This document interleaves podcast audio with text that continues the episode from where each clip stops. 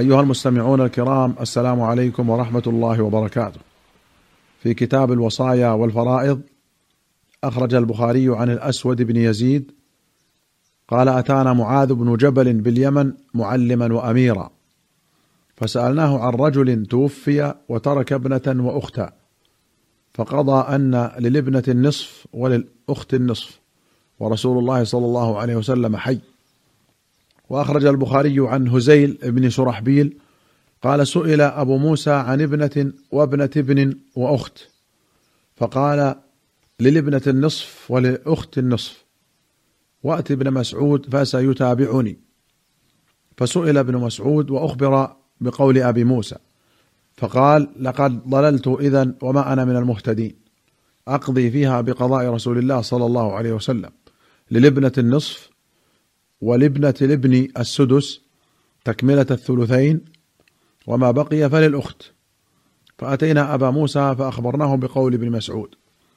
فقال لا تسألوني ما دام هذا الحبر فيكم. وأخرج الشيخان رحمهما الله عن أسامة بن زيد رضي الله عنهما أن رسول الله صلى الله عليه وسلم قال لا يرث المسلم الكافر ولا يرث الكافر المسلم. وفي رواية قال قلت يا رسول الله أين تنزل غدا؟ في دارك بمكة؟ فقال وهل ترك لنا عقيل من رباع أو دور؟ وكان عقيل ورث أبا طالب هو وطالب ولم يرثه جعفر ولا علي شيئا لأنهما كانا مسلمين وكان عقيل وطالب كافرين. وفي أخرى قلت يا رسول الله أين تنزل غدا؟ وذلك في حجته حين دنونا من مكة. فقال وهل ترك لنا عقيل منزلا؟ ثم قال نحن نازلون غدا بخيف بني كنانة المحصب حيث تقاسمت قريش على الكفر. وذلك أن بني كنانة حالفت قريشا على بني هاشم ألا يبايعوهم ولا يؤوهم. قال الزهري الخيف الوادي. الرباع جمع ربع وهو المحلة المشتملة على عدة بيوت. وأخرج ابن أبي شيبة وأحمد وابن ماجة وأبو داود والبيهقي في السنن بسند حسن عن عمرو بن شعيب عن أبيه عن جده. قال تزوج رئاب بن حذيفة بن سعيد بن سهم أم وائل ابنة معمر الجمحية فولدت له ثلاثة فتوفيت أمهم فورثها بنوها رباعها وولاء مواليها. فخرج بهم عمرو بن العاص إلى الشام فماتوا في طاعون عمواس فورثهم عمرو وكان عصبتهم. فلما رجع عمرو جاء بنو معمر فخاصموه في ولاء أختهم إلى عمر بن الخطاب فقال عمر أقضي بينكم بما سمعت من رسول الله صلى الله عليه وسلم. سمعت رسول الله صلى الله عليه وسلم يقول ما أحرز الولد أو الوالد فهو لعصبته من كان. فقضى لنا به وكتب لنا به كتابا.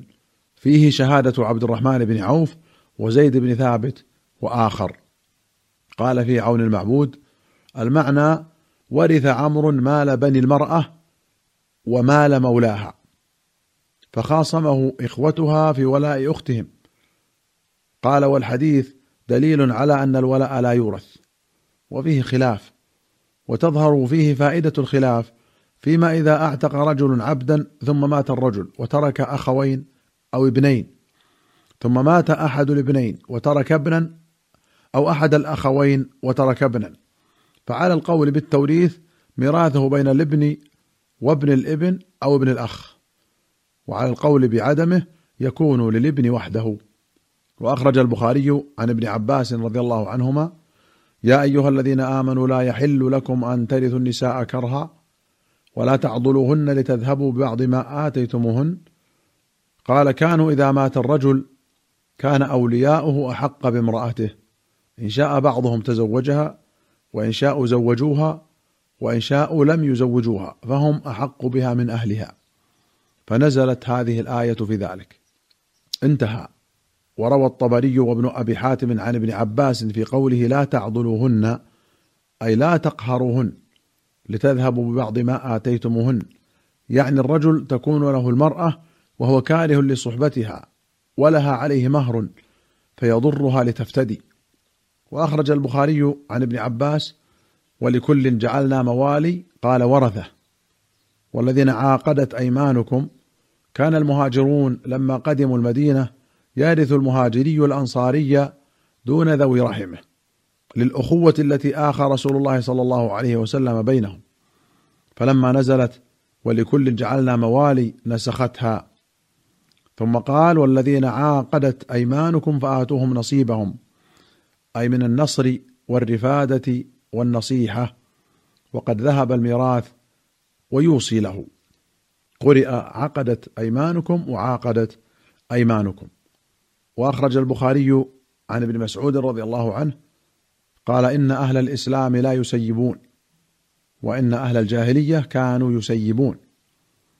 أخرجه في باب ميراث السائبة وقوله يسيبون أي يعتقون العبد على أنه لا ولاء لأحد عليه. فقيل ميراثه لمعتقه وقيل لبيت مال المسلمين. قال الحميدي في الجمع بين الصحيحين اختصره البخاري ولم يزد على هذا الوجه. وأخرجه البرقاني بطوله من تلك الطريق عن هزيل قال جاء رجل إلى عبد الله فقال إني أعتقت عبدا لي وجعلته سائبة فمات وترك مالا ولم يدع وارثا. فقال عبد الله إن أهل الإسلام لا يسيبون وانما كان أهل الجاهلية يسيبون وأنت ولي نعمته فلك ميراثه. فإن تأثمت أو تحرجت في شيء فنحن نقبله. ونجعله في بيت المال. أيها المستمعون الكرام إلى هنا نأتي إلى نهاية هذا الباب. حتى نلقاكم في حلقة قادمة إن شاء الله في باب جديد. نستودعكم الله. والسلام عليكم ورحمة الله وبركاته.